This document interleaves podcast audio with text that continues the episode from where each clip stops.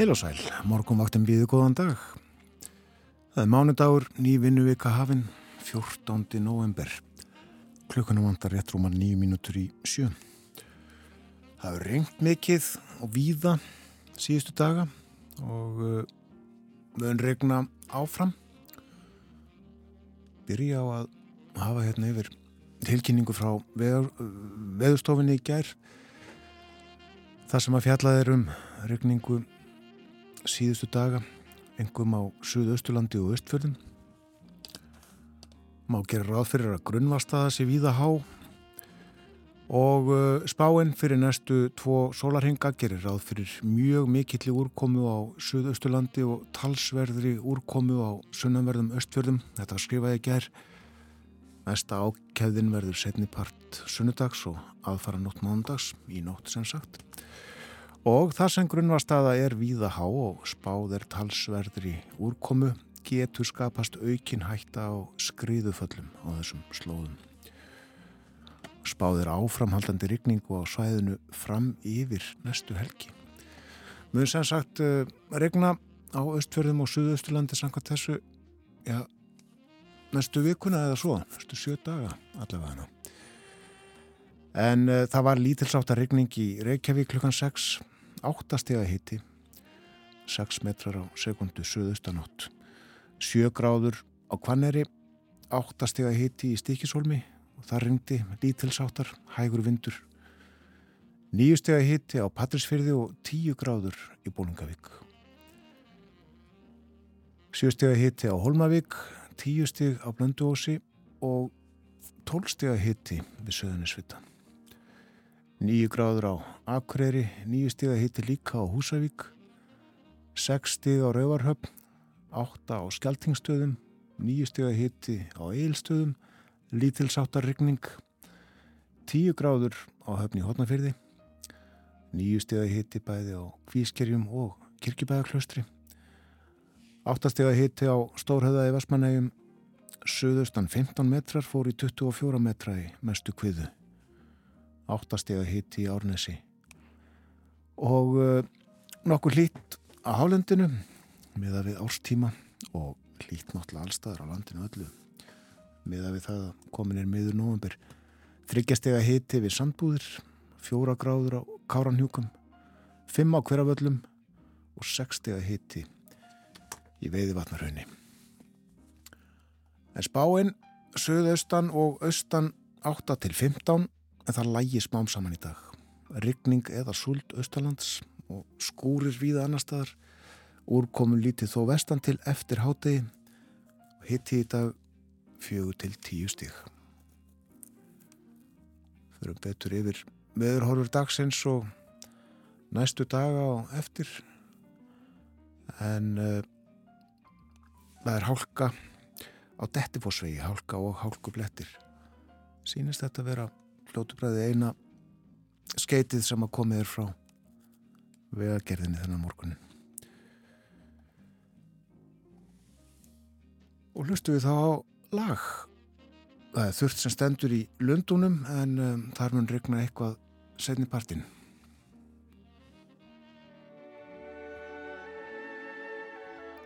Roger Whittaker, Streets of London.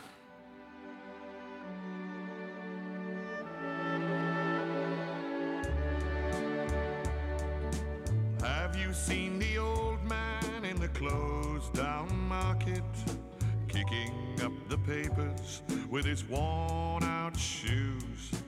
In his eyes, you see no pride, hand held loosely by his side. Yesterday's paper telling yesterday's news.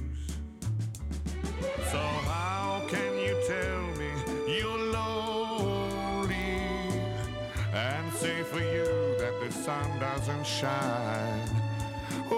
Let me take you by the hand and lead you through the streets of London. I'll show you something to make you change your mind. Have you seen the old girl who walks the streets of London? Dirt in her hair and her clothes in rags. She's no time for talking, she keeps right on walking, carrier bags. So how can you tell me you're lonely and say for you that the sun doesn't shine? Oh, let me take you by the hand and lead you through the streets of London. I'll show you something to make you change your mind.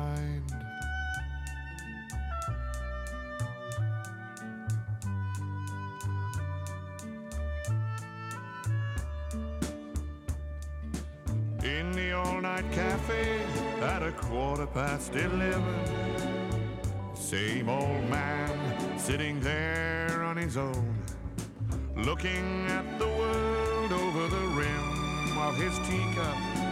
Each tea lasts an hour, then he wanders home alone. So how can you tell me you're lonely And say for you that the sun doesn't shine me take you by the hand and lead you through the streets of London. I'll show you something to make you change your mind. Have you seen the old man outside the Seaman's Mission? Memory fading with the metal ribbons that he wears. In our winter city, the rain cries little pity for one more forgotten hero and a world that doesn't care. Oh, how can you tell me you're lonely and say for you that the sun doesn't shine? Oh, let me take you by the hand and lead you through the streets of London. I'll show you something to make you change your mind.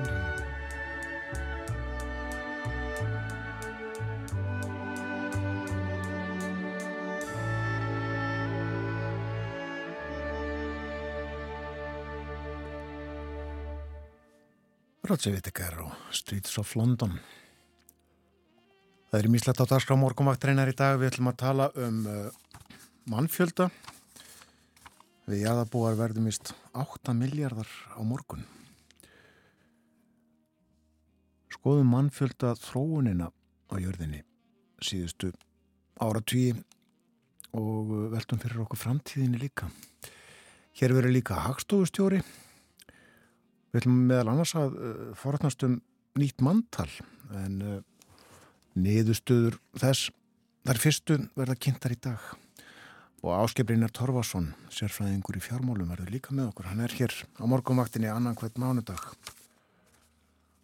og ímislegt sem við ætlum að fjallum í dag. Nefni líka að við förum út í flatei á skjálfanda á eftir en eh, meira en það í ítalegri kynningu sem að kemur eftir fréttinar það líður á þeim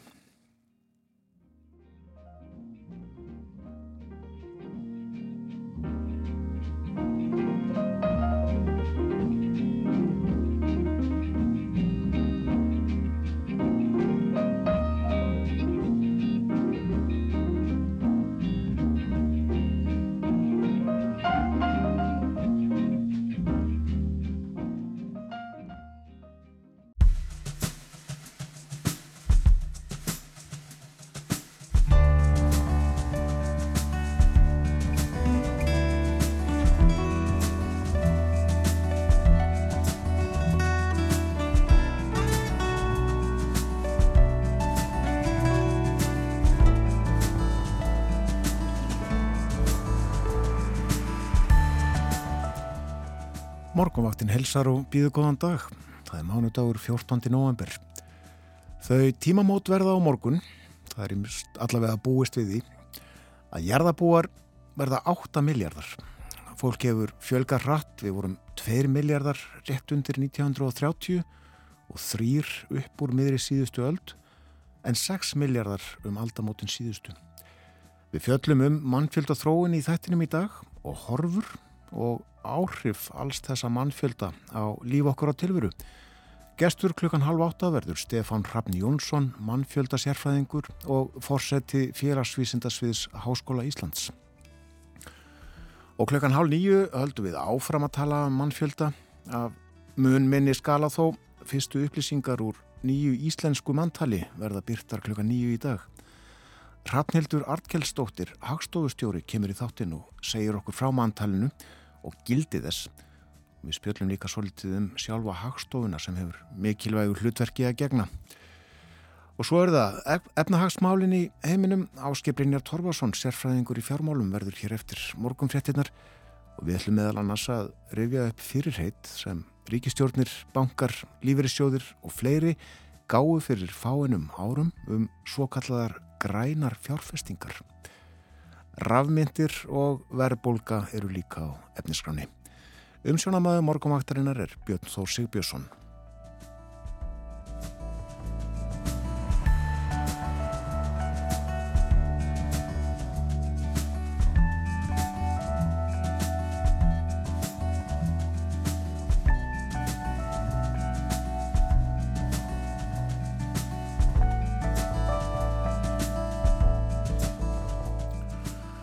Það er reynt halsvert síðustu daga og heil ósköp sumstæðar og er uh, varað við aukinni skriðuhættu á Suðausturlandi og sunnaverðum östfjörðum og uh, lúklekan séu rann úr gildi gul viðverun vegna úrkomu.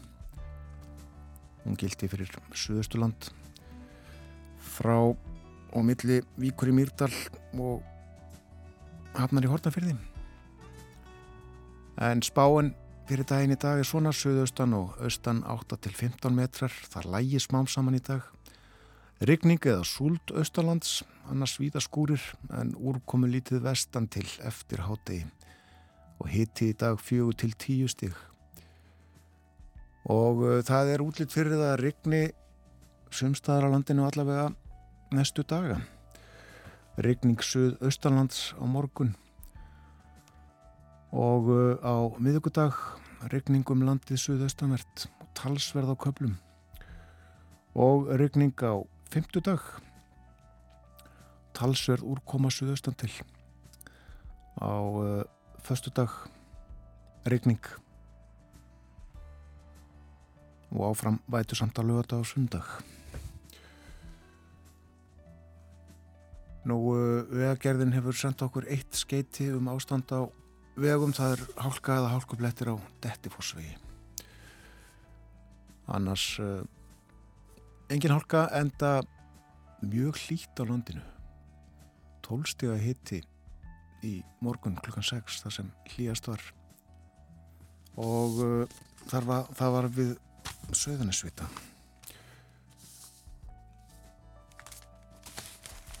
segjum þetta gott að veðri í byli og uh, ástandi almennt á landinu. Lítum í blöðin, blaðið, morgunblaðið, þá kemur út eitt íslenskra dagblaða á mándu og fórsíðumild þess tekin í Istanbul í gær. Það sem að sprengju tilræði var framið og það á einni helstu vestlunagötu borgarinnar. Minnst að kosti 6 létust og uh, hátt í 100 slösuðust. Og það var óttast í gæra að þetta væri hriðverka árás og Tyrknesk stjórnvöld kenna nú kurdíska verkamannafloknum PKK um þessa árás. Og uh, þessu er líst hér á fórsíðum orgunblassis að sjónavatta beigð kona talsverða stund á bekk í þessari veslunagötu stóð svo upp og sprengdi sig í loft upp. Og á myndinni má sjá þrjár konur. Og uh, þær eru auðvitað skelvingu losnar en eh, stóra frettin á fórsíðu upp úr eh, áarpi Selenskis Úkrænufórsetta í ger En hann sakaði rúsa um að hafa framið fjölda stríðsklæpa í Kersson héradi. Rúsneski herin skildi eftir sömu voðaverkinu og í öðrum héruðum okkar, saði hann.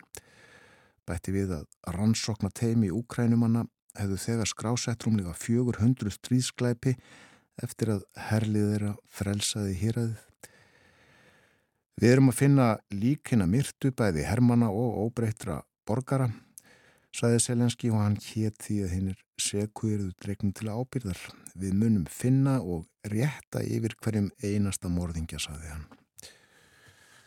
Svo er það vítisenglarnir sem að reynduð að koma til Íslands um helgina en lauruglan hefur ekki upplýsingar um hver bauð þessum vítisenglum uh, í samkvæmi hér á landi. 25 var vísað á landi við komuna á grundvelli þess að þeir teldust hættulegir. Þetta er meiri fjöldi en venjulega hefur verið er haft eftir ásmundi Rúnari Gilvarsinni aðstóðar yfir lauruglu þjóni hjá lauruglustjórunum á Suðunessjum. Nú og uh, svo er þessi skýrsla ríkisendurskoðunar um hvernig staði var að sölu á hlut ríkisins í Íslandsbanka. Það átti að uh, byrtana í dag. Þingmenn penguðan að senda í gær og uh, það átti svo að ræðana á fundi í stjórnskipunar og eftirlitsnend klukkan fjögur í dag en henni var lekið til fjölmiðla og uh, það er rætt hér við Birgi Ármannsson, fórseta alþingis. Hann segir það eru mikil vonbriði að ekki skuli hafa verið hægt að tryggja trúnað á þessari skýslu í rétt rúman sólaring. En uh, saðar fréttir úr skýslunni gær og eins áðan og verður áfram og um hann að fjallaðu þetta. Á þingfundi eins og áður sæði þar að segja uh, fundi nefndar þingstins klukkan fjögur í dag en þingfundur hefst klukkan þrjú og önnur mála á dasgráð þar sem við förum kannski yfir og eftir. En uh, að sögunni á lögadaginn síðasta 12. november þá voru liðin 55 ár síðan síðustu íbúar flategar á skjálfanda fluttust þaðan og eigin fór í eyði. Og það var skrifað um það í dag á sínum tíma síðustu flategingarnir fluttu í land á sunnudaginn tíu að tölu en hinnir voru áður burtu fluttir flesti til Húsavíkur. Er flategi á skjálfanda þá komin í eyði. Sama dag heldu flategingar þeim mönnum hóf í sjálfstæðishúsinu á Akureyri sem unnið hafa að hafnarfrankvæmdum við innan. Svo raunarsaga er staðrind að hafnarfrankvæmdirnar komu ofseint og gáttu ekki stöðað flóttan frá þessari gömlu og að ymsuleiti ágetu byggð. Þetta sagði í degi og uh, þetta var, já, 1967 en fimm árum fyrr í ágúst 1962 þá flutti Sverrir Bergmann útvarpserindi um flatei á Skalvanda Sverrir sleitt þar bartskónum og hann lísti umhverfi náttúru, sögu og búsetu flateir og við skulum grípa niður í erindi Sverrir Bergmann. Þegar ég var strákpatti heima fóru flateingar oft upp á dal eins og það var kallað. Var vennulega haldið að naust eyri en svo nefnist lendingin framöndan brettingstöðum er síðast bíla var í byggð á dalnum. Flattinga fluttu fjesit upp á dal að vorunu og slepptu því þar á afrétti yfir sömarið. Um hausti var svo fjeð aftur sótt, farið í göngur og réttað í naustirar fjöru. Kirkja flattinga var á lengi á flattíjar dal og jafnan fjölmenn þangað á reyni er sóknarprestin barað gardi. Berjaland er gott á Flatíjardal og þegar kom fram á sumarið tóku Flatíinga sér yðurlega tíma á sunnudögum frá önnum dagsins til þess að fara í berjamóf á Flatíjardal. Okkur unglingunum þótti það jafna mikil upplifting að fara upp á dal, það voru sannkallaðir hátíðisdagar. Flati á skjálfanda er talið vera 262 hektarar að stærð sangvað mælingum danska herfóringjar ásins. Mesta lengd eigarinnar er 2,5 km og mesta breytt 2 km. Eigan er öll mjög lág, hún er hæstað austan þar sem heitir Krosshúsabjarg 22 metrar yfir sjáarflödd. Umhverfis eiguna alla er annars lágur malarkambur nema á einum stað á henni sunnanverðri þar sem er sand fjara og er það kallað eigðið. Þar eru bátar settir á landu upp. Skamt austamið eigðið er bryggjan og upp af henni skúra þyrping. Þar salta flateyingar fiskin og geima veidarfæri sín. Í þessari þyrpingum næfir hæst útibú kaufela stingeinga eina veslunin í flatey. Engum eru það vestur og norður hlutar eigarinnar sem eru ósli til lálendi en mest er þar þýfi og óræktar land. Á sunnan og eistanverðri enni þar sem bílinn standa í sléttum túnum myndast eins og tveir öldurryggir og verða litlir slakkar á milli en á þeim hrygnum sem sunnar er standa í röð hinn fornu bíli eigarinnar uppibær, neðribær og útibær. Hið fjóruða hinn að fyrstu bíla, krosshús, stendur austar og er skamt þaðan okkur brekka að krosshúsa bjargi. Tjarnir eru fjórar á enni og hver í sínu horni eigarinnar. Það er leggur á vetrum og var þar farið á skautum svo lengi sem ég man eftir. Ofri til Grandi er á eiginni sunnanverðri um 100 metrum ofan við eigðið. Virðið sem sjór hafi einhver tíma gengið þarna upp og síðan þetta leifar af fjöru borði. Er þetta ekki ósennilegt þegar þessir gætt að eigin virðist hafa risið úr sæ um 1 metra á síðustu 100 árum að sög þeirra er gest tekja. Viti stendur á veginu austanverðri þar sem hún rýs hæst. Hann var reistu 1913 en á norðaustur tá eigarinnar þar sem heitir Brimnes flóðu flategingar vörðu laungu fyrr og skildi hún leiðbeina sæfarendum en mannskadar hafa orðið undan Brimnesi. Flatey hefur verið byggð um margar aldir og hafa húsveldstæð á einni sunnanverðri og er svo enn. Á norðanverðri inni er þó sérkennilegur hóll, allt stór og um hann eins konar túngarður. Heitir þar Arnar gerði og herma sumar sagnir að þetta sé fyrsta bíli í Flatey en aðrar heimildir segja að þar muni sá vísi maður stjörnóti hafa haft aðsetur og gert aðtugan í sínaru hríð. Flatey var í fyrstu einjörð en síðar var húnu langt skeið þrískipt. Átti þá konungur eiguna halva en hinum helmingnum skiptu með sér hólastóll og möðruvallaklaustur. Eigin þótti að vísu rýra landkostum en menn sóttust þó eftir landsréttindum vegna hinna miklu hlunninda, sjávarfangi, rognkelsa og selveiði auk eggjatekju og reka viðar. Nú er öll eigin ríkis eign. Um aldamótin 1700 er talið að 25 íbúar séu í eiginni og bílinn fjögur, uppibær, útibær, neðribær og krosshús. Um aldamótin síðustu eru bílinn orðin 8 og íbúarnir 50. Eftir það fjölgar jæmt og þétt í enni fram til ásins 1942 en þá eru um það bíl 120 íbúar í eigunni og bílinn 15. Síðan hefur aftur fækkað. Bíli eru nú 17 en 8 þeirra eru í eiði og íbúar eigarinnar um 50 talsins. Húsakostur í eigunni er hinn ágætasti.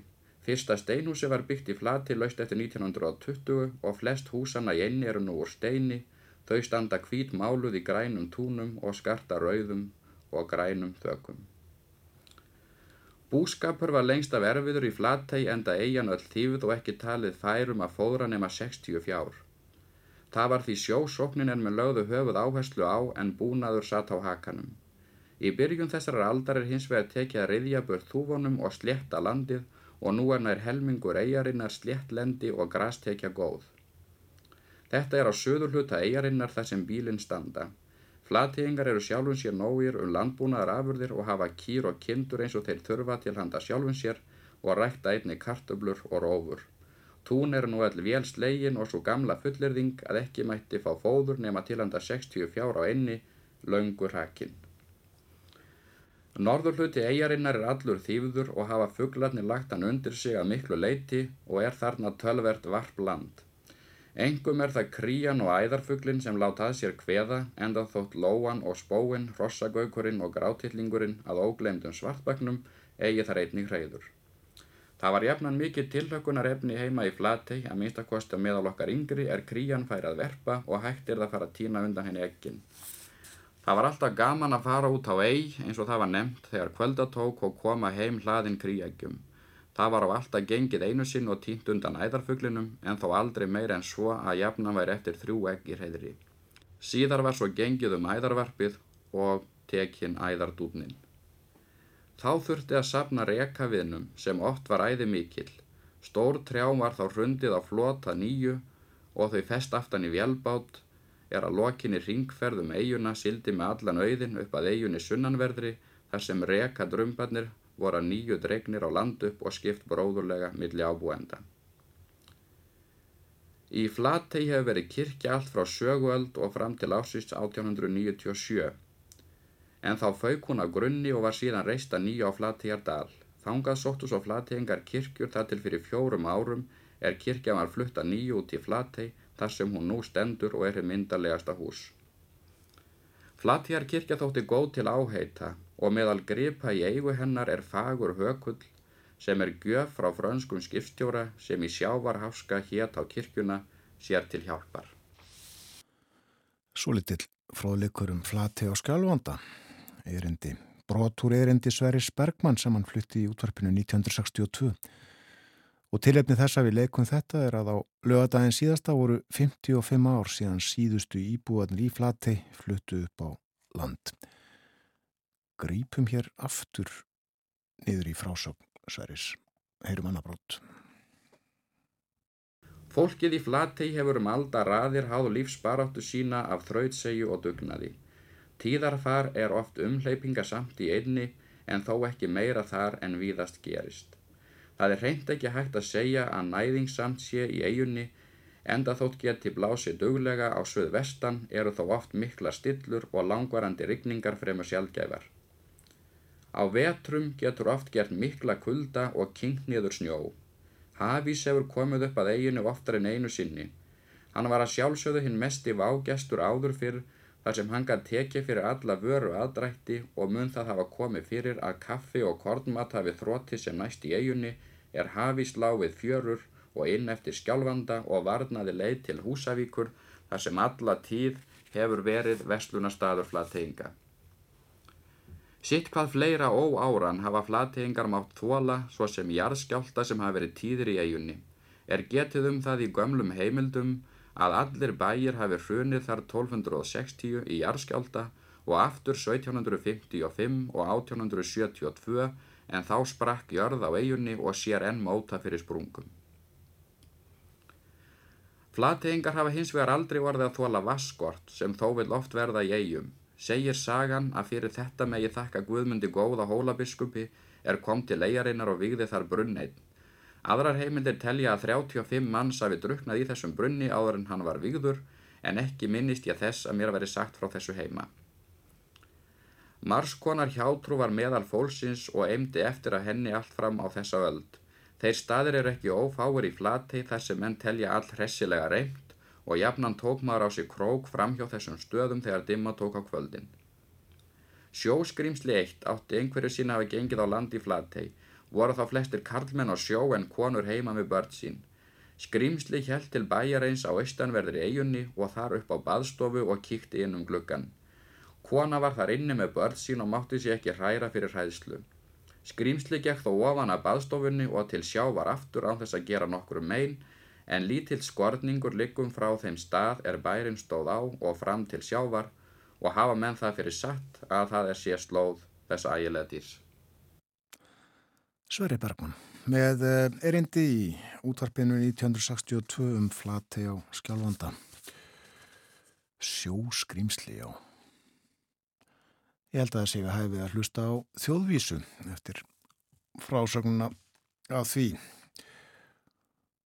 Gítar Íslandsi og flitur þjóðvísatúlkuð með gíturum og bassa.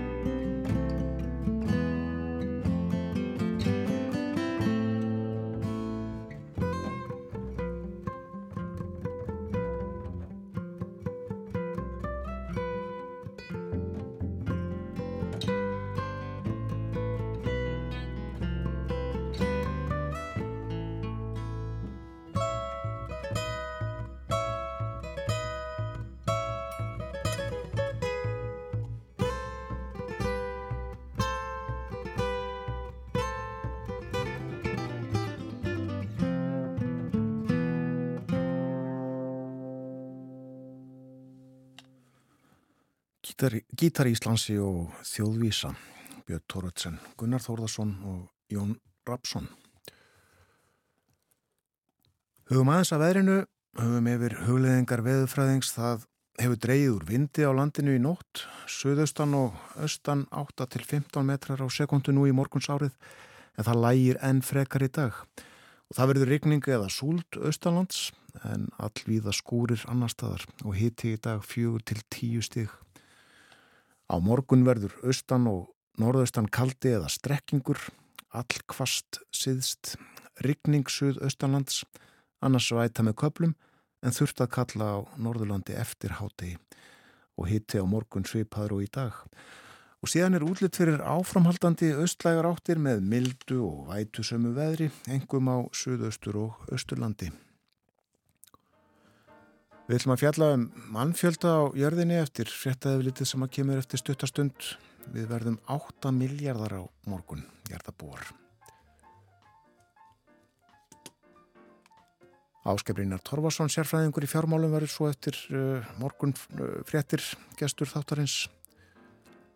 Við ætlum að tala aðeins um verðbólgu, uh, við ætlum að tala líka um rafmyndir, en líka um lofórð heilmikið lofur sem gefum voru fyrir fáinum árum um uh, framlög til grætna fjárfestinga. Ætli emdir hafi fyllt, við spyrjum að því. Og hagstofustjóri verður gestur hér hálf nýju. Við ætlum meðal annars að tala um uh, nýtt mantal sem að tekja var á síðasta ári og nú er búið að vinna úr og greina.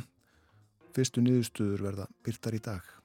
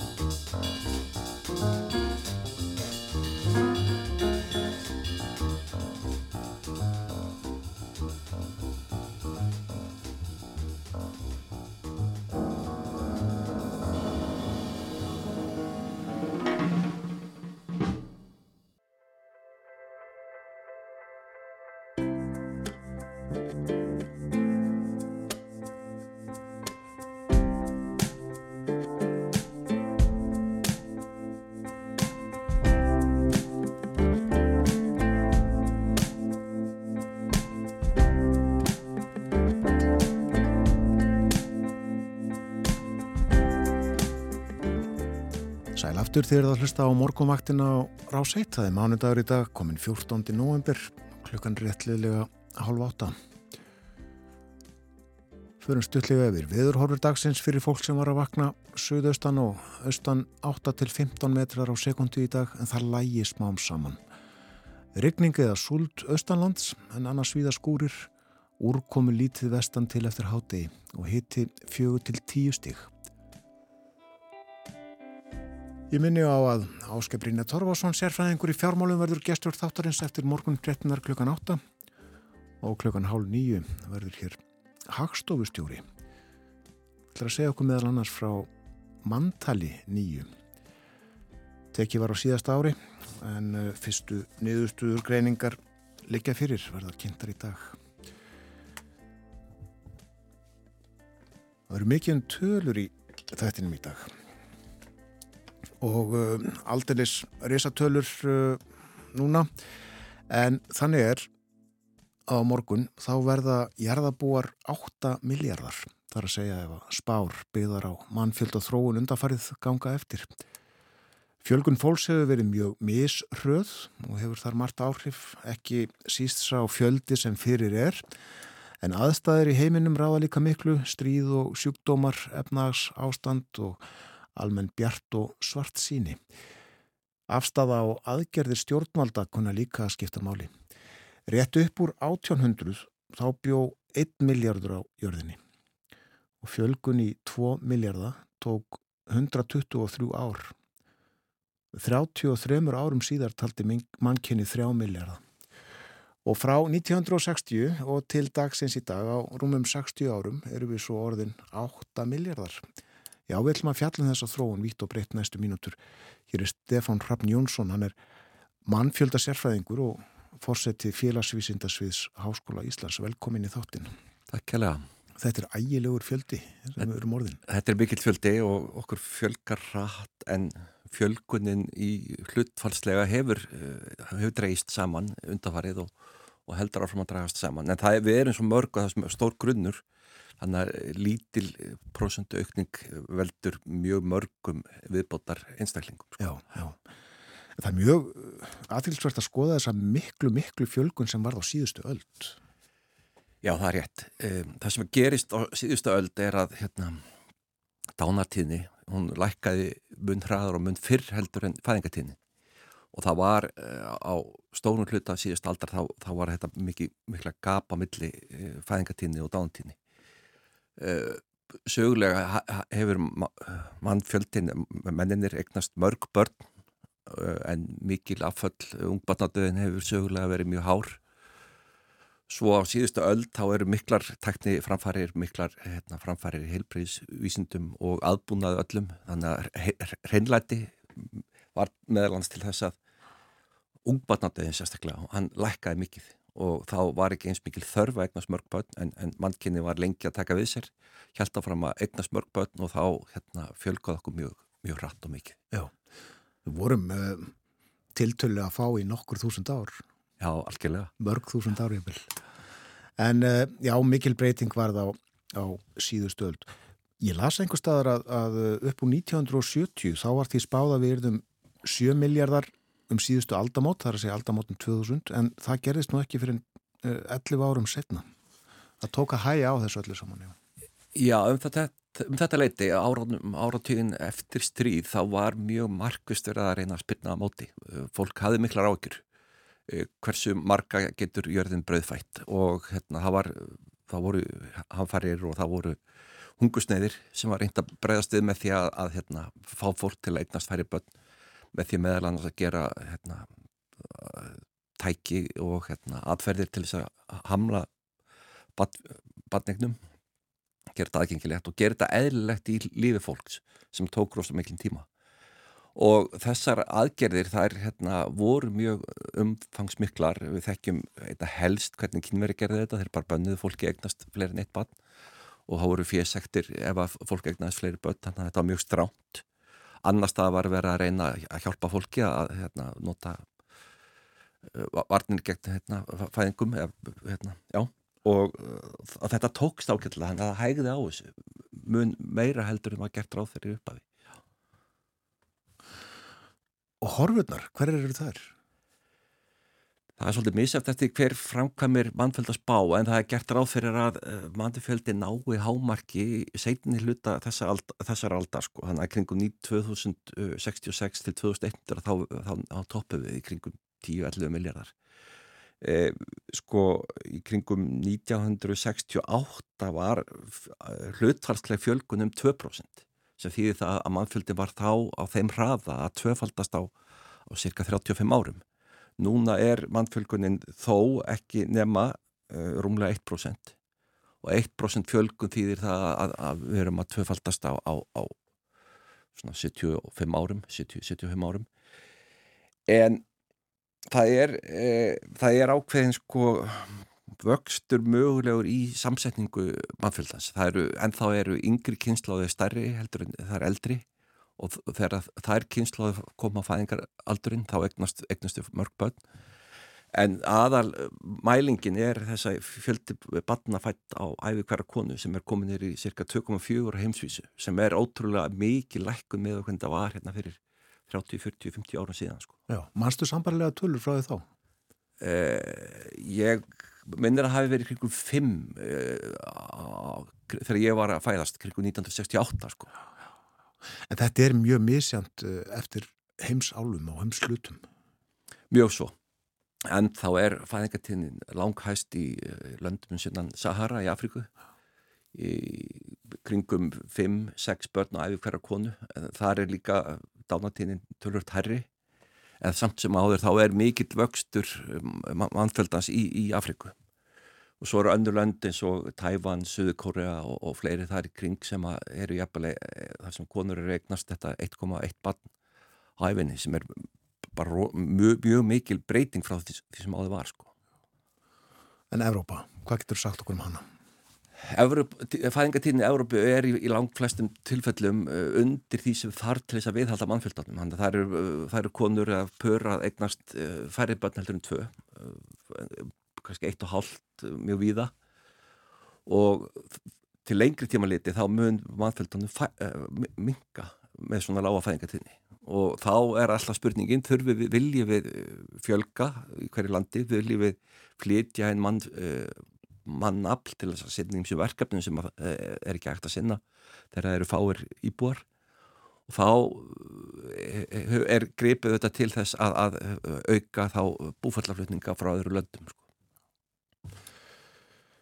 Svo, svo er það stóra spurningin sem að þú nefndir hér áðan hvað getur jörðin bröðfætt margt fólk? Hvað ber jörðin margt fólk?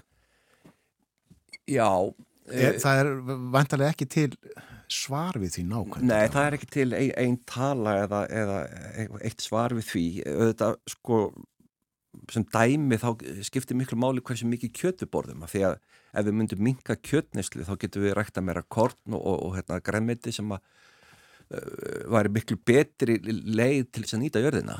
En uh, þess að mikla kjötnesla þá, þá höfum við minna korn til þess að fæða aðra. Og svo er í setni tíð orðið meir og meiri aðkarrandi spurning sko hversu mikil neistla á öðru e, e, eru við að, að hérna, standa fyrir í jarðefna elsneiti sem hefur áhrif á, á hérna, loftslægið, e, veðufar hamfara hlínun, flotta fólk frá svæðum sem eru á mörgum þess að vera rektanlegt núna Þannig að, e, og með þessum framförum og með þessum aukna hagvexti mjög víða, þá erum við að sjá reysa stór, stóra mann, hérna, mann fjölda sem er að auka mjög neysluna og þar gungum við mjög rætt á, á, ymsar, á, á jörðina, sko, meira heldur en bara með fæðir. Sko. Er það fyrst núna sem að, að svona alvöru áhegjur eru uppi um þetta? Ég myndist nú á það nýlega að, að sko, heimurinn hefur haft áhyggjur af mannfjölgun mjög lengi. Malthus skrifaði fræga reitgerð um, fyrir um 200 áru síðan eftir að, að jörðin var, hérna, að jarðabúðum var að fjölga verulega sko. Þannig að þessar áhyggjur hafa varað mjög lengi. En það er að taka sér nýja mynd þegar við sjáum þessa miklu aukningu á, á neistlu sem er umfram þessar grunnþarfir og þegar við erum að skilja betur hvað þessi mikla nótkurna á jarðafna elsniti, hvaða áhrif þetta hefur á, á hérna, veðufar. Uh, nota stjórnvöld þá þekkingu sem að, að þessi fræðigrein uh, mannfjöldathróunin býr yfir? Já, já, við sjáum það að hérna, allþjóða samfélagi eins og saminnið þjóðunar og fleiri eru að nýta þá þekkingu sem er til staðar. Bæði í sko, þessari mannlegu hegðum sem fælst í að, að, að veist, vera neytandi og nota, nota mikið af hérna, vörum og, og elsneiti en líka hvernig e, veist, við tökum ákvarðanir um, um fjölda barna og ég tala um og þetta eru hérna, allþjóða samtöka að taka með af nýjustu þekkingu í, í hérna, þessum hamfara hlínun og veðufræði. Já. En hvað með uh, stjórnvöldi í Evrópuríkjum og eftir aðtökum Evrópusambandinu þar sem að uh, fækkum blasir við eins og nefndir á hann?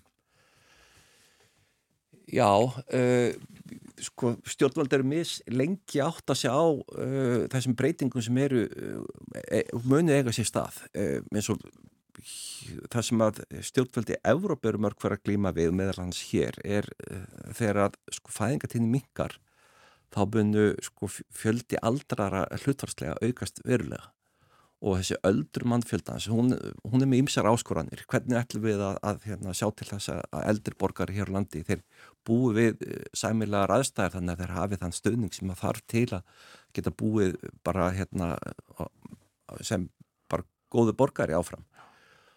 Og þetta var svolítið fyrirsjánlegt fyrir nokkrum áratugum síðan og auðvitað sko, hérna, hafa stjórnvöld einhverju leiti tekið tillit til þess en það virðist stundum alltaf koma óvart að, að, að mannfjöldin er að hérna, eldast hlutvarslega Já Já, maður veit ekki alltaf að því eða, eða já, sér það ekki að það, sé einhver plön í gangi.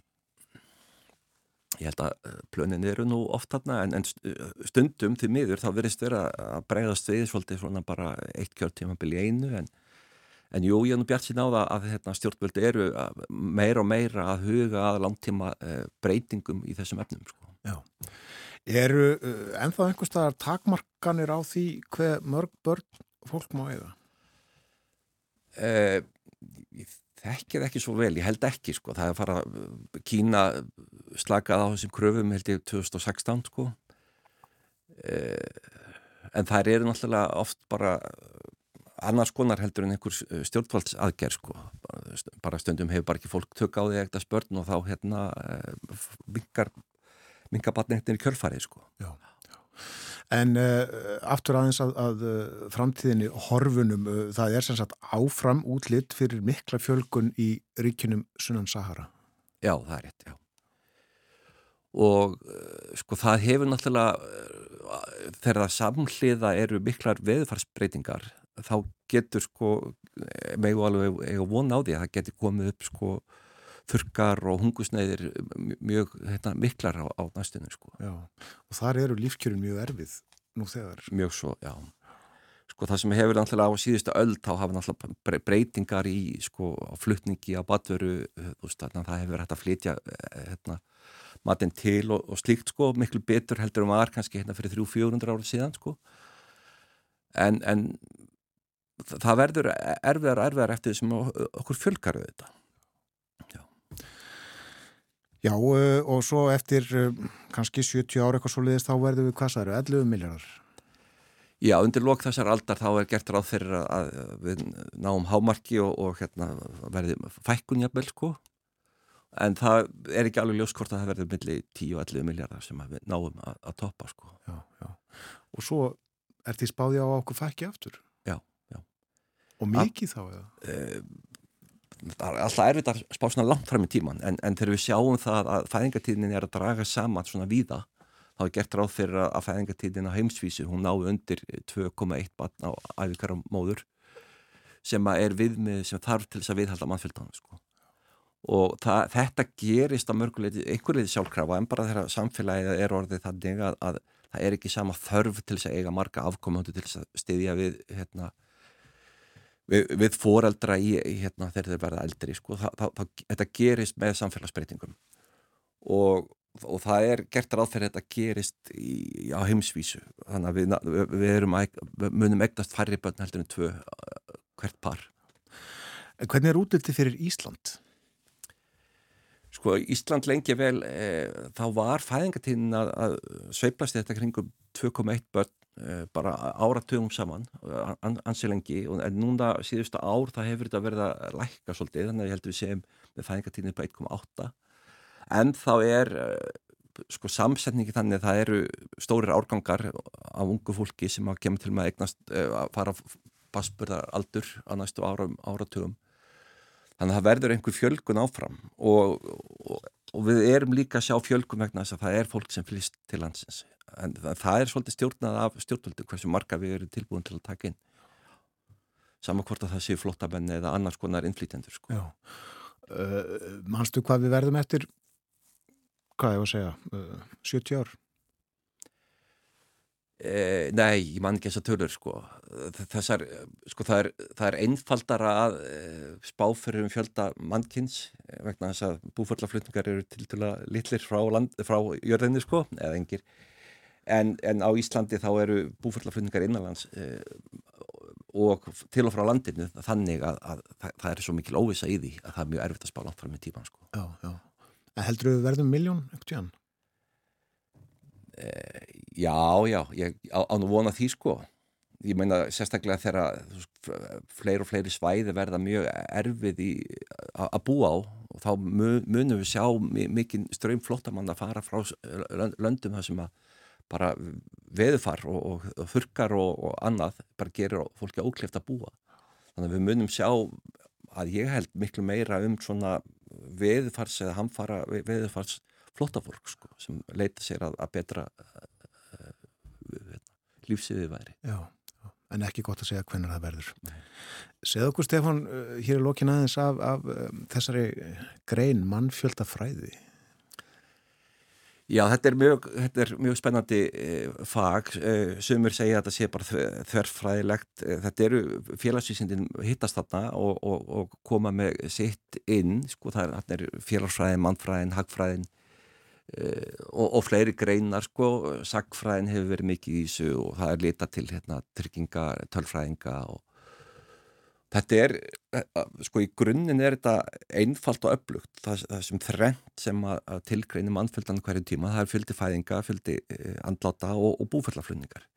En svo þurfum við að spá meira og meira hvað ver, veldur breytingum, þá verður þetta meira og meira spennandi þegar mannleg hegðun er stundum svo ódreiknarleg.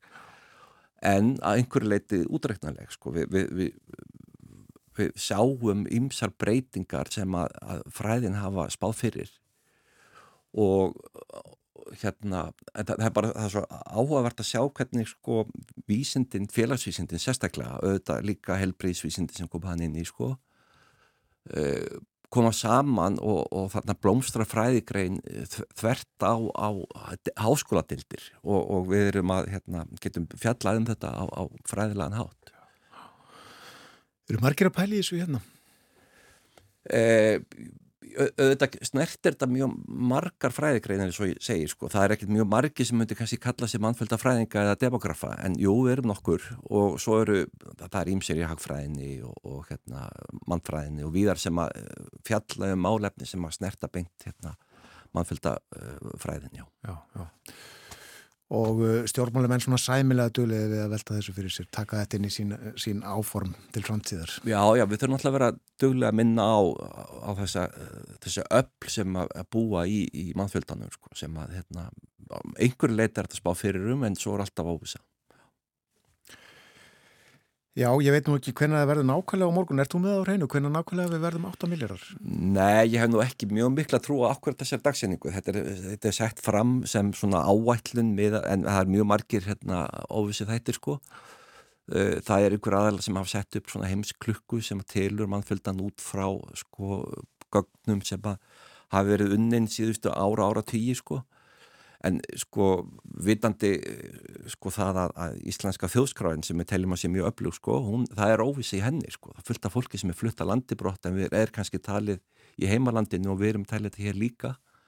Það það er alls konar óvissi þætti sem að gera það verkum að ég, ég hef ekkert alltaf mikla trú á þessari hérna, dagsendingu á morgun.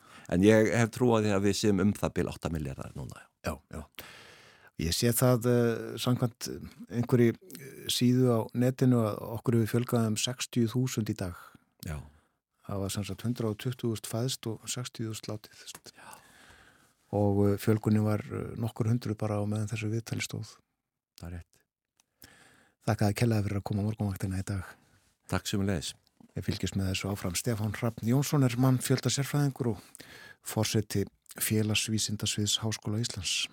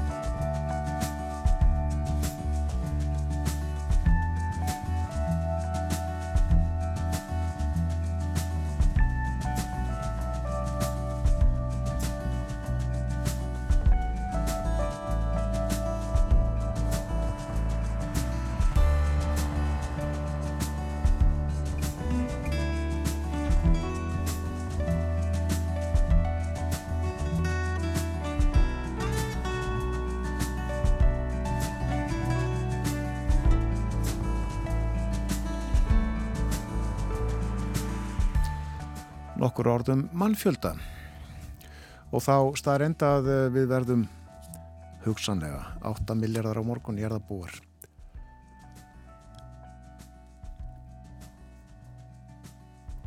Hvað ætlið þingmennir okkar gerir í dag? Við uh, lítum á Darskrá Alþingis. Við sjáum nú að uh, ein, tveir, þrýr þingmenn eru í Sjarmel Sheik í Egiptalandi á uh, lofslagsraðstæfnunni Bergþór Ólason, Lógi Einarsson og Vilhjálmur Árnason. En uh, það eru fundir, uh, fundir í nefndum núna fyrir hádegi og uh, svo klukkan fjögur fundur í stjórnskipunar og eftirlitsnefnd þingsins. Það sem að fjalla verður um skýslu ríkisendurskoðunar um sölu á hluti ríkisins í Íslandsbanka. Gestir koma fyrir nefndina, líklega fulltrúar ríkisendurskoðunar. Skýslinu var lekið í gær og uh, við heyrðum af henni í frettunum í gær og í morgun líka. En uh, fórseti alþingis í samtali við morgunblæðið segir uh, trúnaðarofið mikil vonbriði en það er þingfundur klukkan þrjú í dag og uh, dagskraf hans er svona nummer eitt og undirbúin fyrirspurnutími og uh, svo eru tvö mál á dagskrá útlitt fyrir tiltölulega stuttan þingfund þannan daginn. Framöndan eru frettir hjá okkur fyrst auglýsingar.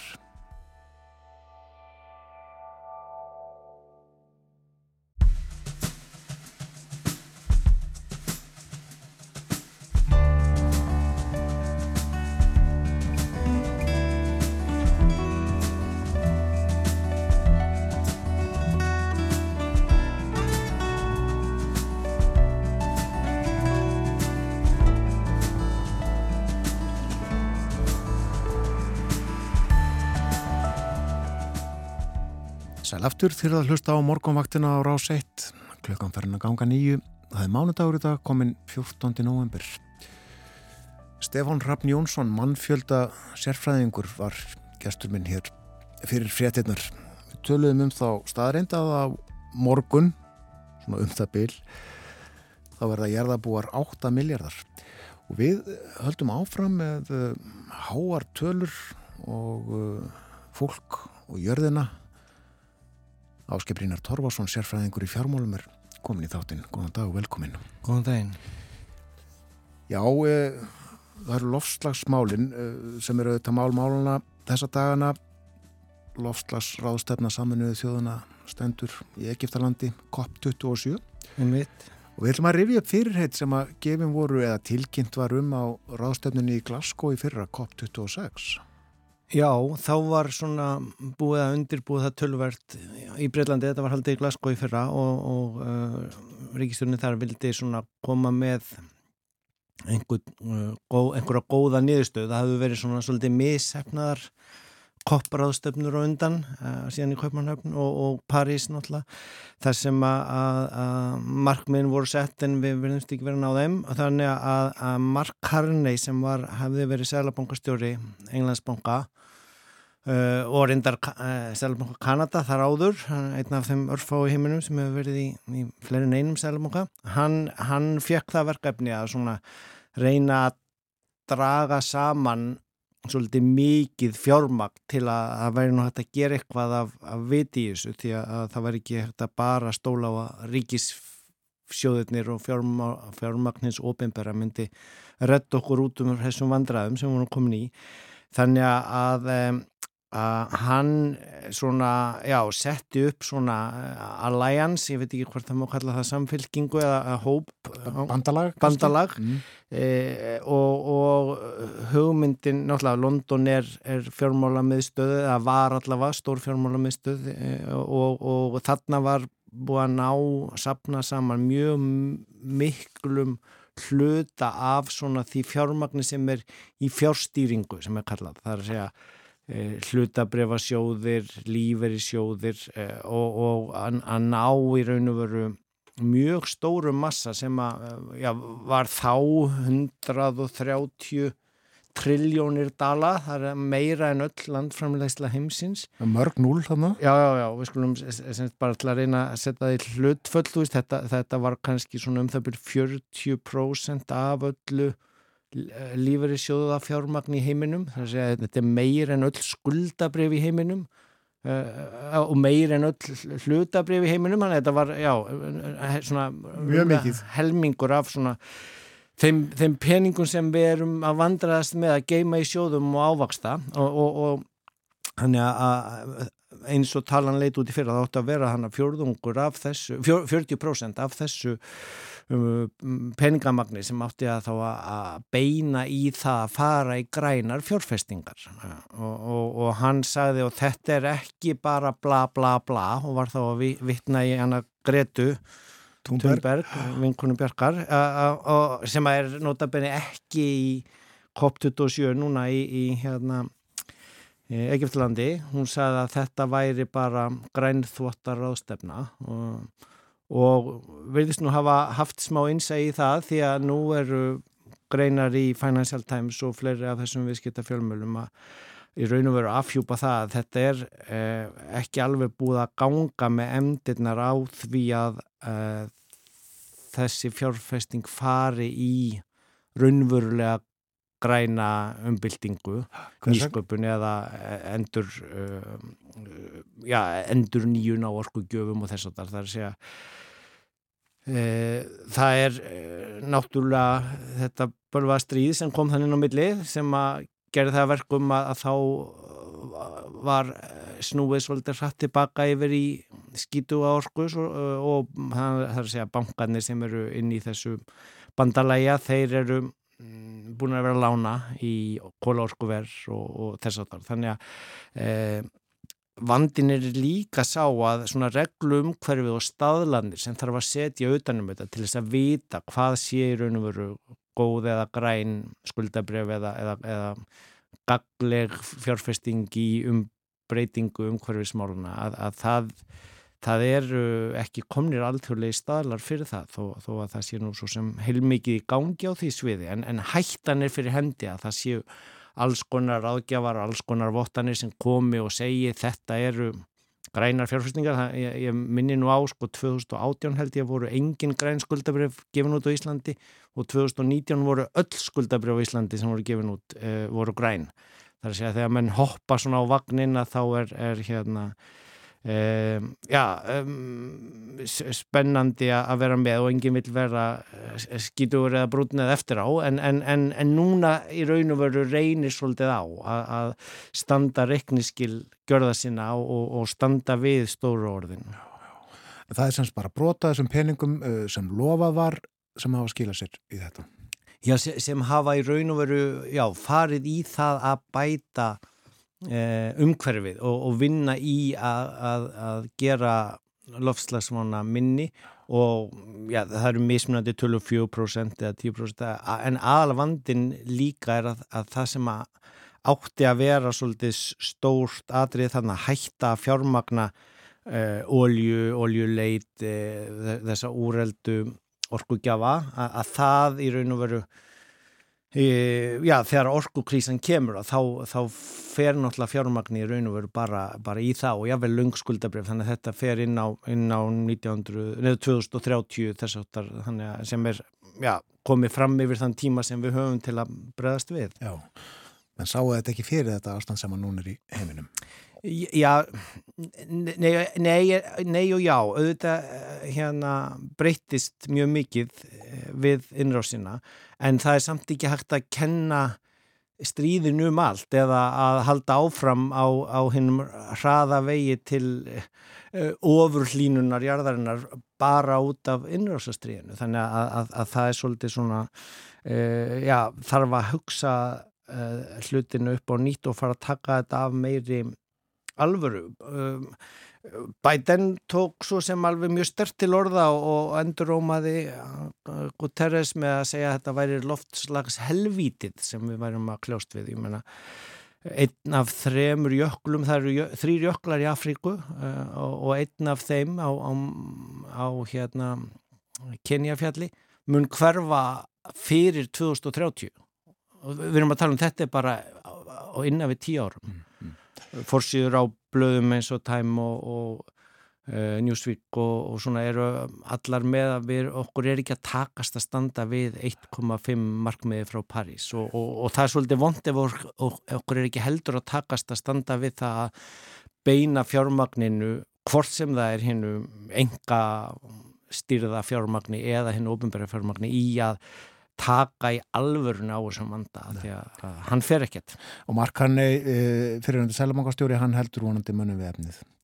E, Við ætlum að tala núna um rafmyndir sem að þú hefur mikið náhuga á Já, eða ég, ég, ég, ég hef kannski ekki áhuga á þeim sérstaklega en ég, hérna, maður kemst ekki hjá því að tala um þær, það er, hérna, ég uh, lendi náttúrulega í því að skrifa dottorsutgjur um peninga þannig að þá, þá uh, varð í raun og veru bitcoin til, maður getur sagt sem svo, sko, til að tengja þetta á milli, það þarf náttúrulega heilmikla nýsköpun til að, að, að hérna, bregðast við loftastróni og það þarf fullt af pening í það til að eh, bregðast við þeirri nýsköpun. Alveg eins og það sem við vorum að tala um áðan með hvernig og að brauðfæða allan þennan, alla þessa miljarda fólks, það er náttúrulega nýsköpun og uppfinning á áburði og þess að sem kemur okkur í það geta, geta þróast áfram og bröðist við þessu. Þannig að í fjármála heiminum var litið á um, bitcoin eða krypto, ég vil ekki kalla þetta rafmyndir því þetta er ekki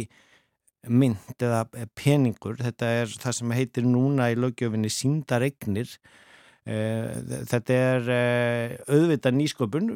Bitcoin var fundið upp 2008 í framalda fjármálarhunnu með bara einföldum svona fallegum uh, uh, já, greinarkorni sem að uh, Satoshi Nakamura skrifaði og engin í raun og veru veit hver hann er eða hvort það séu fleiri þar á bakvið Eh, og það sem var búin til þessi, þessi aðferðafræði við að búa til bálkakeðju þar sem ætti, ætti að vera hægt að greiða á internetinu án þess að það þyrti að vera mm, raunverulegur peningur eða ríkisvald þar á bakvið þannig að menn vildu losna við í raunveru þetta reglu gerða umhverfi og eftirlit og ná þessu svona utanum allan heiminn. Eh, það er mjög erfitt að setja reglugerðir fyrir heiminn í held. Vi, við sjáum það í lofslagsvonni líka og ég meina reikniskilastallar fyrir fyrirtæki eru, eru svo sem komnir alþjóðlegir en, en það er samt munur og milli eh, og þarna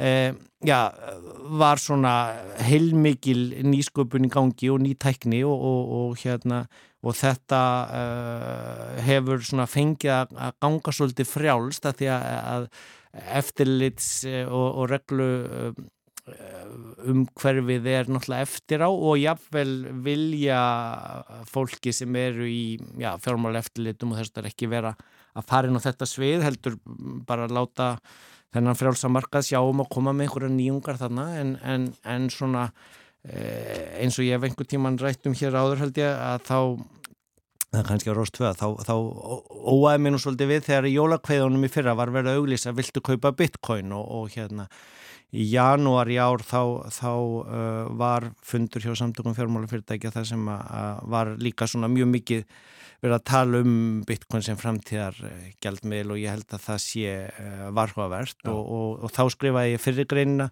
mína í vísbendingu um, um þetta og þá náttúrulega uh, var sko Kína að um, taka mjög harkala á uh, rafmyndunum og, og reyna að já, stöð, stöðuva útbreyslu þeirra og kínveski selabankin tók upp selabanka raf Júan Eh, rússar bönnuð líka myndgröft eftir, eftir hérna, bitcoin þar, það, það fyrir náttúrulega meir og meira ramagn í að grafa eftir þess að því að já, það er, er hugmyndin að þetta í að vera á einhverjum svona dreifuðum keðjum og, og örgjör var í fullt af tölvum farið að passa upp á að þetta sé alvöru. En, en í raun og veru síðan eh, gerðist það að, að já, frá toppinum sem var kannski fyrir árið síðan í nógumberi fyrra, þá var svona hæsta verði sem orðið hefur á bitcoin og, og uh, það er svona elsti e, síndar eignar já, rafmyndin ef maður vil kalla það og, en það eru þúsundir annar að mynda til. E, aðal atrið í raun og veru óháð því hvort maður trúi á þetta eða ekki er síðan ef að þú vilt kaupa eða selja þessar síndaregnir að þá þarf að fara inn á eitthvað viðskiptaþing eða, eða einhverja kaupöll þar sem þú getur skipt þínum uh, já, launónu þínum eða einhverjum uh, arfi eða einhverjum peningum sem þú ert í vandrað með að geima og, og, og vilt frekar geima í, í þessari já, áhættu sömu eign eins og ég vil kalla það. Og, og, og það eru um, búið að vera já, nokkur stór þannig fyrirtæki sem eru um, búin að lendi í vandraðum á þessu ári. Eh, það er náttúrulega hilmikil nýskupin í þessu þannig að það eru til það sem var kallað stöðuleika myndir, það er ætti að vera svona örugari og stabilari í, í verði heldur en rammyndinar um, af því að það er ætti að vera þá uh, 100% uh, tryggðar með eignum í dólar eða annari mynd eh, og þá reynir á tröstið og öryggið í því hvort, hvort og hver mikið. Terra fór á, fór á, á hausin í sumar sem var, sá um þetta uh, og síðan í, í síðustu viku var FTX sem var einn af sagt, fimm stæstu svona uh, viðskipta miðlurónum fyrir rafmyndir sem að átti að saminast um miðavikuna við um, hérna hvað heitir nú hinn, eh, ekki Coinbase heldur Binance, já, þetta eru sagt, nokkur svona, nokkur svona, svona uh, stór fyrirtæki sem sjá um þessi viðskipti milli raunverulega peningakerfisins og þessa síndarkerfis og, og FTX átt að saminast Binance um meðavíkuna en á förstu daginn þurfti FTX bara að sækjum gæltrútaskiptið og Þannig þetta er allt niður? Já, Bitcoin heldur áfram að fara niður ekki eins mikið en, en fólk sem átti í FTT eh, rafmyndinni hjá FTX miðlurunum, það er vendarlega búið að tapa já, megninu af sínu eða öllu af sínum uh, uh, áhættu fjármagnir sem fór í þetta, þannig að Að, að það er svona já, það, það er kallað eftir núna hvort að það eigi að, að regluvæða þetta en, en það er náttúrulega mjög erfitt uh, fyrir eftirlitin, fjármáleftirlitin uh, að, að svona halda í við þróunin og það er auðvelt að blekja þau og sérstaklega þegar þetta er í Eh, hérna síndarveruleikunum svona mikið. Eh, þetta er alls ekki eitthvað eh, í líkingu við 2008 eða fallið á leman þetta er, þetta er það lítið. Bitcoin var kannski þrjár triljónir ef þú mannst þetta var 130 þannig að alla regnina sem átt að fara í, í loft, loftslags. Þannig að það er búið að falla niður í eina eh, og núna niður fyrir það þannig að frá toppinum fyrir árið síðan er, er, er það kannski bara með 20% af verðmættinu mm. en, en þetta er mjög lítill hluti af hildar fjármálakerfuna en þetta er meira eila svona eins og Enron ef mann mun eftir því 2000-2001 Höfum áfram auða á þessu en fyrir nú til bandrækjana þar að vera ekki kosið bara í síðustu viku þá báru slíka nýjar tölur um verðbólguna. Já, já við þurfum að reyna svona snúa viðræðinu og hætta, hætta umræðinu og snúa henni til þess að nú sé vonandi verðbúrgarna fara að minga um, að því að, að, verðbúrgar byggist náttúrulega líka á væntingum og það var mjög eh, fagnað á mörguðunum uh, þegar það komu tölur frá bandaríkjónum í síðustu viku um að nú væri hún uh, lækandi verðbúrgan Um, og það kom nú líka í þjóðarsponni frá hagstofunni okkar að, að líklega hefði toppinum í verðbólgunni hér verið náð í sumar. Þannig að og, og þá er rétt að minna bara á að verðbólgan er mæld með þess að vísi tölu neysluverð sem er alltaf frá því fyrir ári síðan. Þannig að hættan er svo ef allir halda nú fer alltaf halda áfram að hækka og halda áfram að hækka og fyrirtækinn fara þá að að hækka verðið sér til öryggist til að vera ekki eftir á, að þá getur hún í sjálfu sér bara haldið áfram að, að bæta við sig í raun og vera óþörfu. Verð breytingin frá því fyrir ári er núna farin að vera minni með að við mánuðinu undan og undan. Þannig að að gasverðið náttúrulega sem var stór hluti af verðbúrgunni í Európu er farið að fara niður. Það er nóg af gasi í öllum tungunum að því að líka veturinn er búin að vera hlýr þannig að það hjálpar nú til. Er ekki bara óun lít á Íslandi? Nei, nei, það er 16 stíg í London og byrjaði að selja jólatrið þannig að, að það þarf ekki mikið að gasi þá til að, til að hitta. Og, og þetta er í raun og veru já, svona, svona tímamótin sem við stöndum á, á með þetta að Uh, við þurfum kannski að sætt okkur við nýtt verðstig sem við erum komin upp á eftir allar þessar hækkanir sem komur núna á síðastliðnu ári vegna bæði ja, högtsins í heimstarkerfinu í framhaldi af, af heimsfaraldrinum og síðan þessu bölvaðastriði en það verður já, kannski búið í vor, við skulum reyna að fara að vera smá bjart sín svona inn í myrkustum mánuðina og eh, kannski verður eh, orkuverði farið að fara niður líka á allavega þessum eh, svona eh, alþjóðamörkuðu með, með gas og annað þess sem hefur áhrif yfir í annað verð.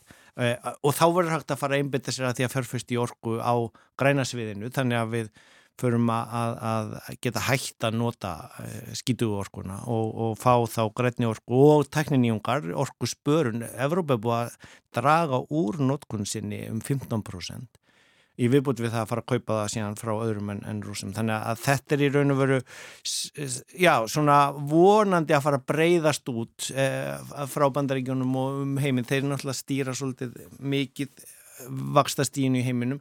Englandsbanki gaf út í síðustu viku líka líklega að væri búið að hækka vextina meira heldur en þarf þannig að, hérna, að, að það er svona við getum kannski rættum það næst hvernig það fer yfir í, yfir í húsnæðisvextina og þau máli en, en vonandi allavega e, fer núna að draga úr hækkunum en þá þurfa allir að leggjast á eitt við það að, að hætta að hækka að óþörfu. Og ágætt að nefni þetta sko stemning, vonir og vendingar þetta hefur áhrif á verðbólkuna líka.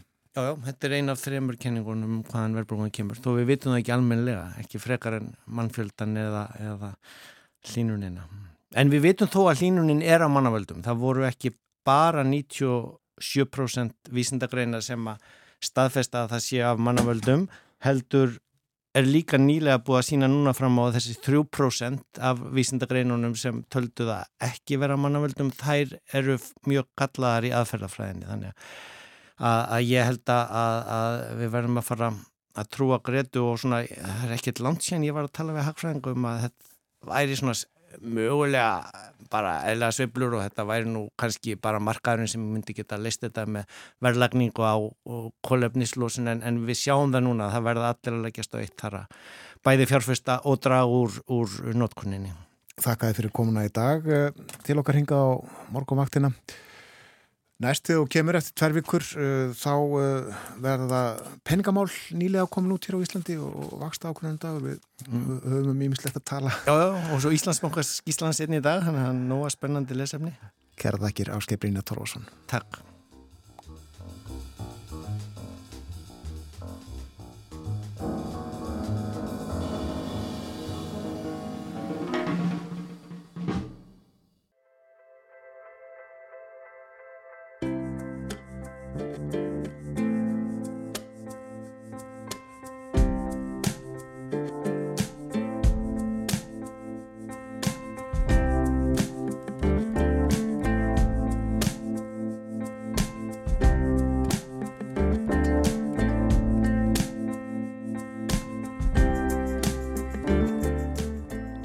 Aftur til að hlusta á morgunvaktina á Rás 1 klukka núna réttliðlega hálf nýju það er mánudagur í dag 14. november höfum yfir veðurhorfur dagsins. Suðaustan og austan átt í dag 8 til 15 metrar á sekundu en það lægi smám saman eftir því sem líður á daginn. Má búast í rigningu eða súld austanlands en annars viða skúrir. Það verður úrkomulítið vestan til eftirháttegi og hitti í dag að 10 stegum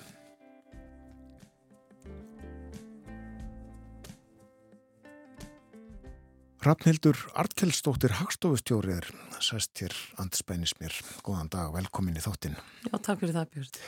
Þú ert nýttekið við ennbætti Hagstofustjóra. Eh, Hagstofan hefur verið þinn vinnustadur lengi er það ekki og hagtölur þitt viðfangsefni? Jú, ég er nú búin að vera inn á Hagstofa alveg frá 2005. Svo það er orðin ansið langu tími, svona séði ljósi þess hversu oft við skiptum eiginlega orðum vinnustad þess að dagana.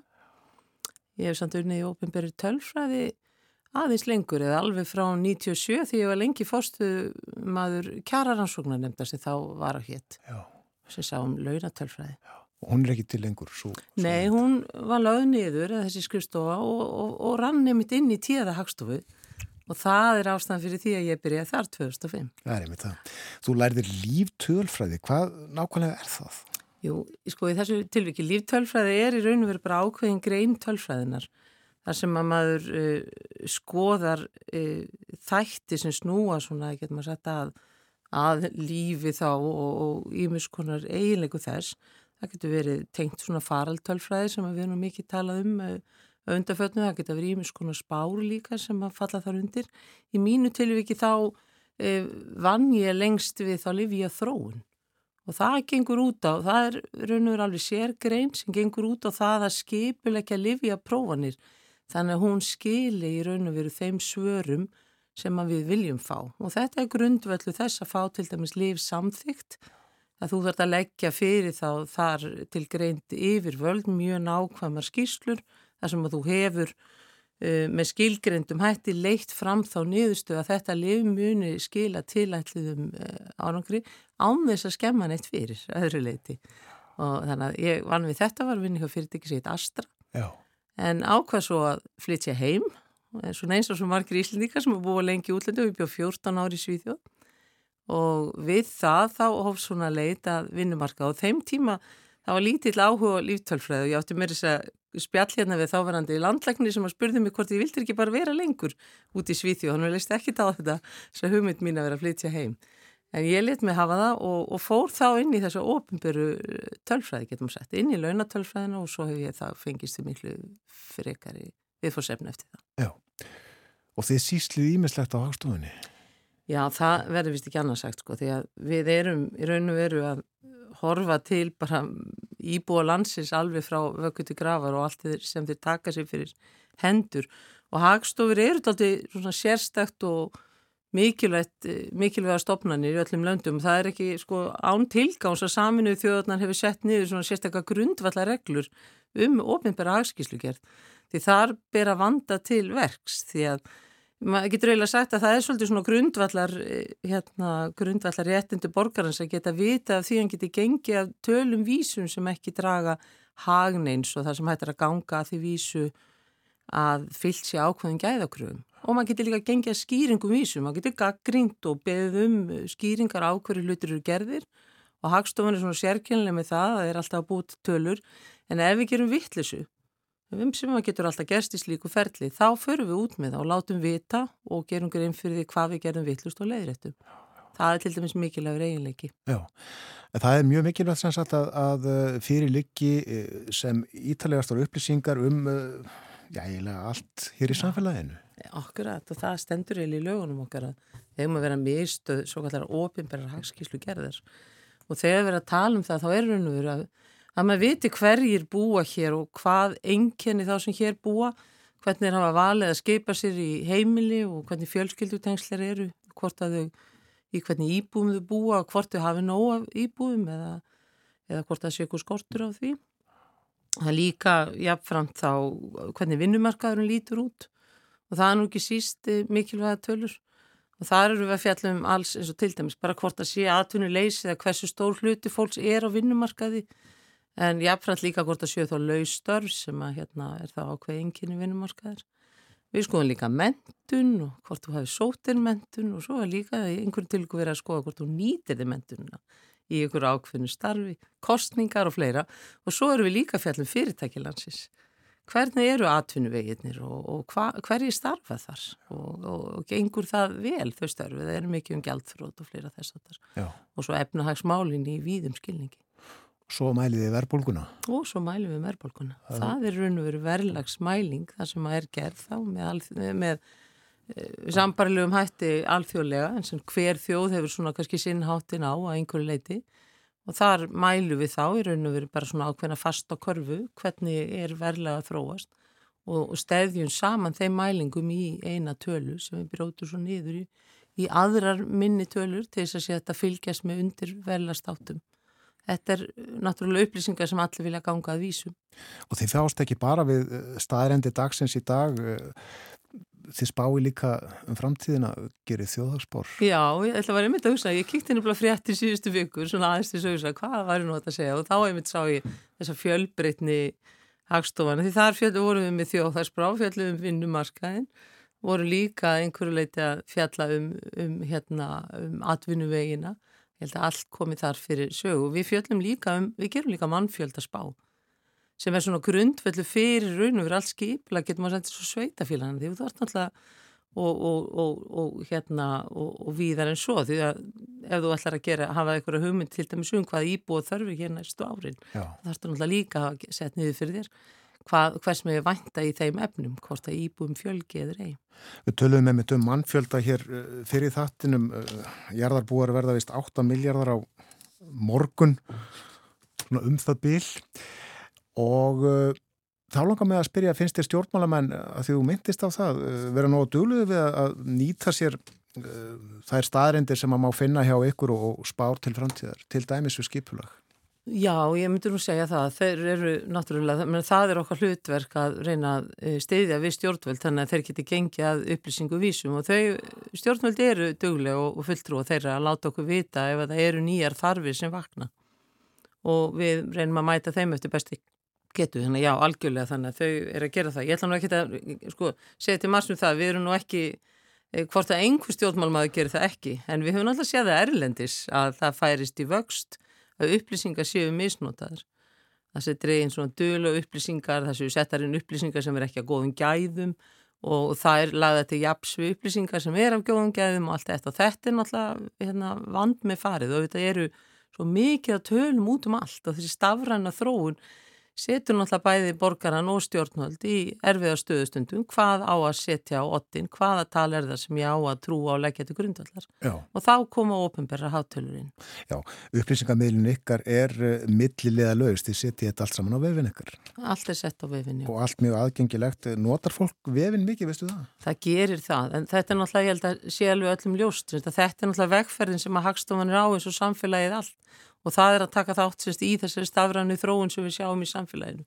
Og þannig held ég okkar nótundur á að kalla eftir því að vefurinn okkar sé meira lifandi þessu auðveldar aðgengi að honum. Uh, og, og, og það er svona vekkferð sem við ætlum okkur að taka þátt í að bæta. En, uh, en við þetta er kannski kosturum við að hafa hagstofu, það er nákvæmlega þetta við setjum allt út og í okkar reglum og svona gæða viðmiðum er sérstaklega hveðið á um hérna jafna svona aðgengi notenda að og þannig gefur við út nýjar tölu klukka nýju og við erum okkur að týra í dag rétt fyrir klukka nýju og klukka nýju koma nýju tölu frá okkur með þykir að litbjörn, nei, þú færði ekki aðgang aðeins strax. Jú. Það kildir það sami þig og alla hérna. Þú verður að segja okkur eitthvað úr þessu nýja manntali. Já, þetta er svolítið sérstaklega, sko. Þetta er, getur stundu verið, ég sagði þetta við þú er klukka nýju á mánudag, allir við að koma með fyrstu niðurstöður úr manntali sem við erum búin að vera að vinna að núna í. Já, ég held að þetta sé að verða þrjú ár, kannski síðan við byrjum ef við tökum allt til.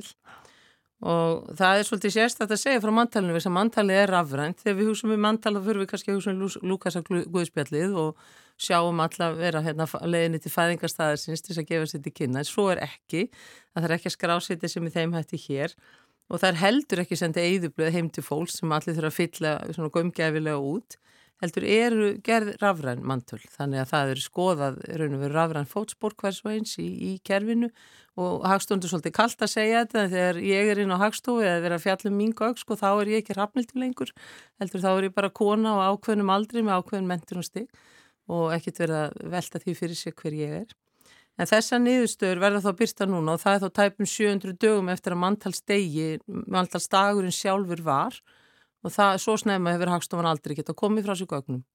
Þannig að hérna, það er í því er einstæmi. Hvað fælst nákvæmlega í manntali? Ég held að þetta væri sko, skrásett bara frá nánast klukkustundir klukkustundar hvar við búum og hvað við erum og gerum.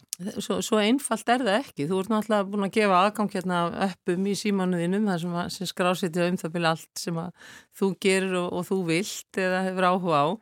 En þessi gögn eru hverki aðgengileg, eða allavega ekki fyrir okkur, þannig að þau séu sérst í heilsinni.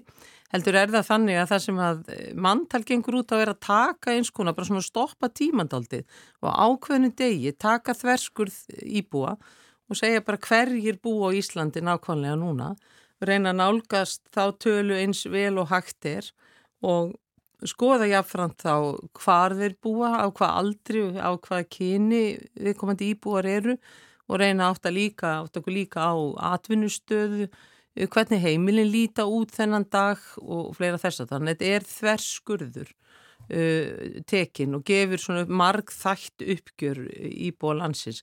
Þetta er eitthvað sem alla þjóðir gera eftir besta mætti. Já. Þannig að það er, það er að leiðandi sko þarna koma saminu þjóðun aftur að og þetta er lítið á sem mjög mikilvæg heimild fyrir hvernig þjóður og við má nú skemmt segja frá því sko að 703 gerur við mantal sem að nú er sem sagt eh, litið á sem eitt fyrsta mantal sem hafi verið tekið af heilið þjóð. Þannig að við hefum nú alveg okkar sögu í mantalsgerð. Aldilis.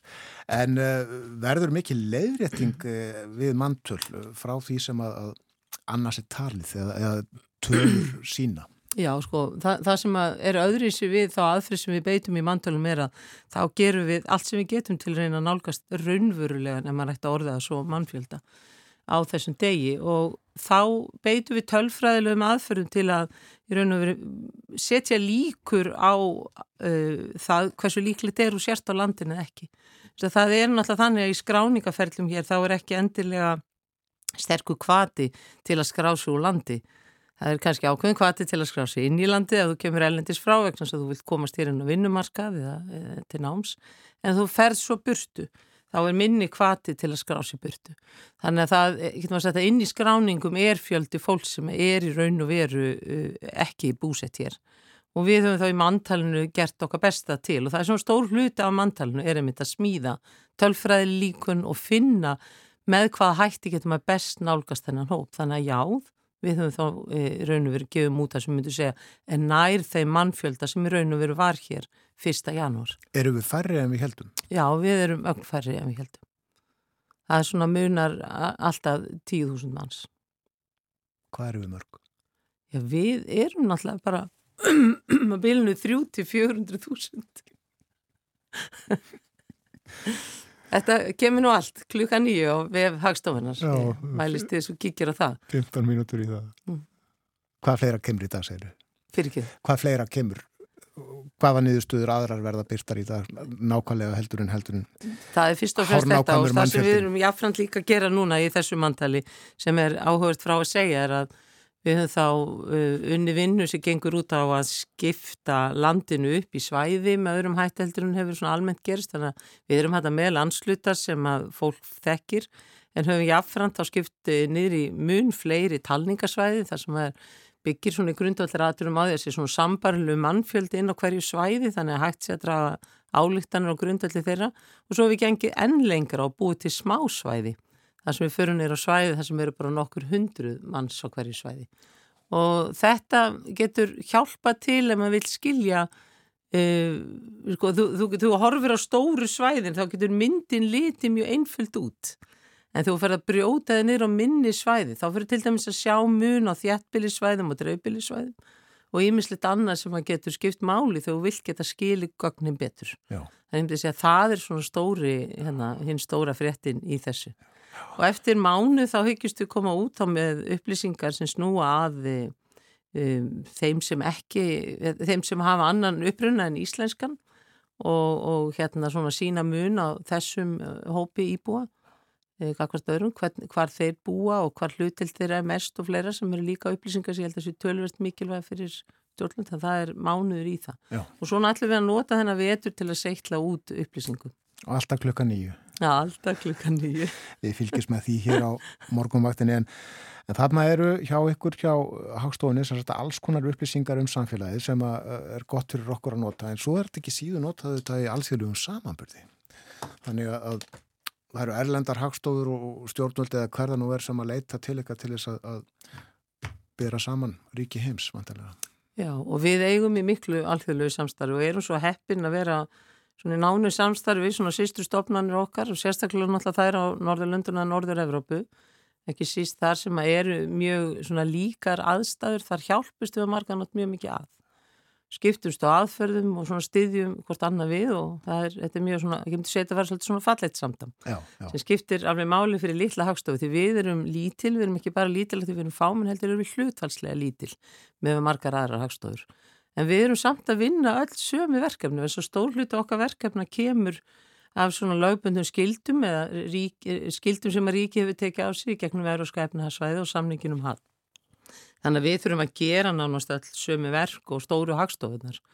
Hér er það kannski einmanniski eða hálmanniski eða einhver sem gerir það með annari hendinni en þá í stærri hagstofunar er það heilu deiltinnar. Og það gerir það náttúrulega verkum að við kannski aðra yfirsýn heldur stóru hagstofunar en erum líka ofta til með mjög mörg verkefni. En í öllu þessu þá náttúrulega treystu við alfarið bara á fyrirtæki og, og borgara landsins sem að láta okkur í tíu upplýsingar, svara kannunum og, og svara spurningum um sína hagi og um atvinnustöðu sína og fleira og, og það er eitthvað sem við erum stöðut mjög þakklátt fyrir að hérna, fólk er tilbúið að veita okkur og svara því kalli. Já, uh, alls konar upplýsingar að finna hjá Hagstofunni. Uh, Hagstofa.is er vefur Hagstofunar. Þetta er einn af þessum vefum sem ég gleymir ofta skoða alls konar tölur og samanbúð. Þá fellur þú í okkur svona nördakrítir Björn. Er þú ekki nörd líka? Jú, ég er augljóslega nörd. Við sem erum á Hagstofunni erum það. Gleymur þér sjálf yfir einhverju sérstöku eða eitthvað sérstætt sem þú leitar eftir? Já, mér finnst, ég er náttúrulega hef unni lengi í félagsmála tölfræðinu, mér er svolítið gaman þegar maður er að grafa svona svona óanvinn, einmitt hvernig samfélagi lítur út og, og hérna, svona, hverji búa hér og hvernig þeir hafa lifið, svo er maður gott að vita við gerum til um stóra lífskjæraransók sem er svo grundvöldu fyrir ímsu mælikvörðum, eins og velselda mælikvörðum og félagsvísum þetta er náttúrulega mjög áhugavert að geta séð hvernig þetta þróast yfir tíman. Já. Svo má finna þarna uh, nöfn, hversu algengt er nafnið? Það Já. Það er ansið margir sem dundar sér við það. Já. Þetta er mikið nota. Björn, hvað ætlið? Já, hvað allir það sé nú algengt? Mjög algengt. Og þetta er aldrei margir sem heiti það sem millinar kannski líka. 1715 bera nafni Björn sem eiginab, fyrsta eiginab og 932 sem annað eiginab. Öllítið dæmi. Örlítið dæmi. Þakka er einlega fyrir komuna hingað á Takk morgunvaktina í það, dag. Hrafnildur Arkelsdóttir er hagstofustjóri og uh, ég hvet fólk til þess að fara inn á vef hagstofunar eftir slettar tímyndur um, þá verða þar nýjar upplýsingar, fyrstu upplýsingarnar úr þessu nýja íslenska mantali.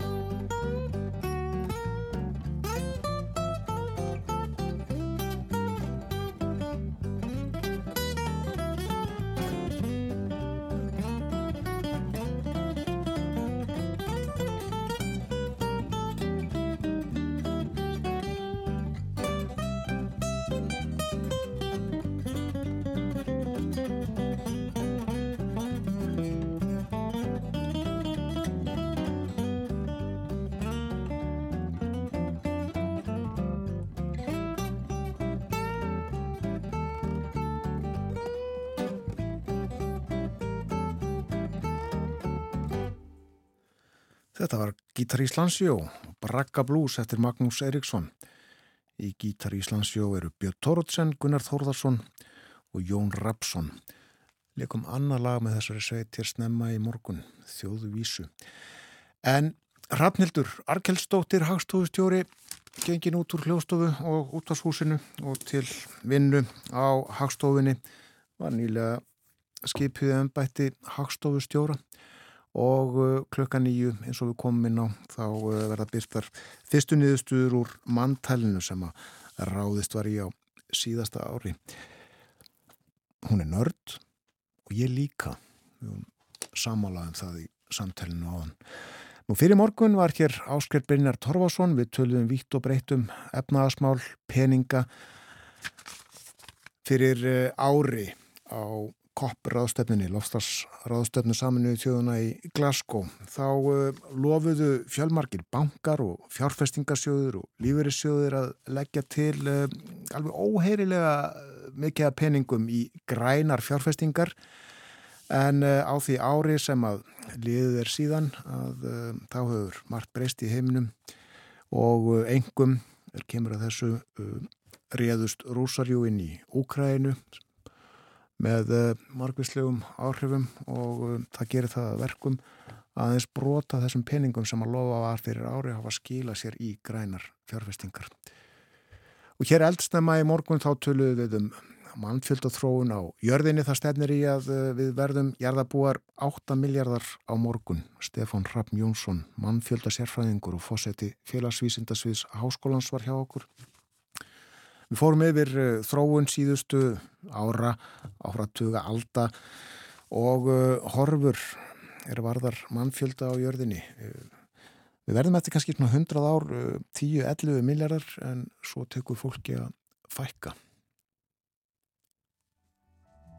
Og eld, eld, eldsnæma í morgun, þá fjölluðum við um flati á skjálfanda, þannig er að um helgina þá voru liðin 55 ár frá því að flati á skjálfanda fór í eyði Og af því tilefni heyrðu við brot úr erindi sem að Sverri Bergmann flutti umflati á Skálvanda í útvarpi 1962. Svona var morgunvaktinn þennan morgunin. Þátturum verður á sínum staði fyrramáli. Við bjóðum góðan dag þegar klökkunum vantar tíminn 37. Þakkum samfélgina í dag. Verðið sæl.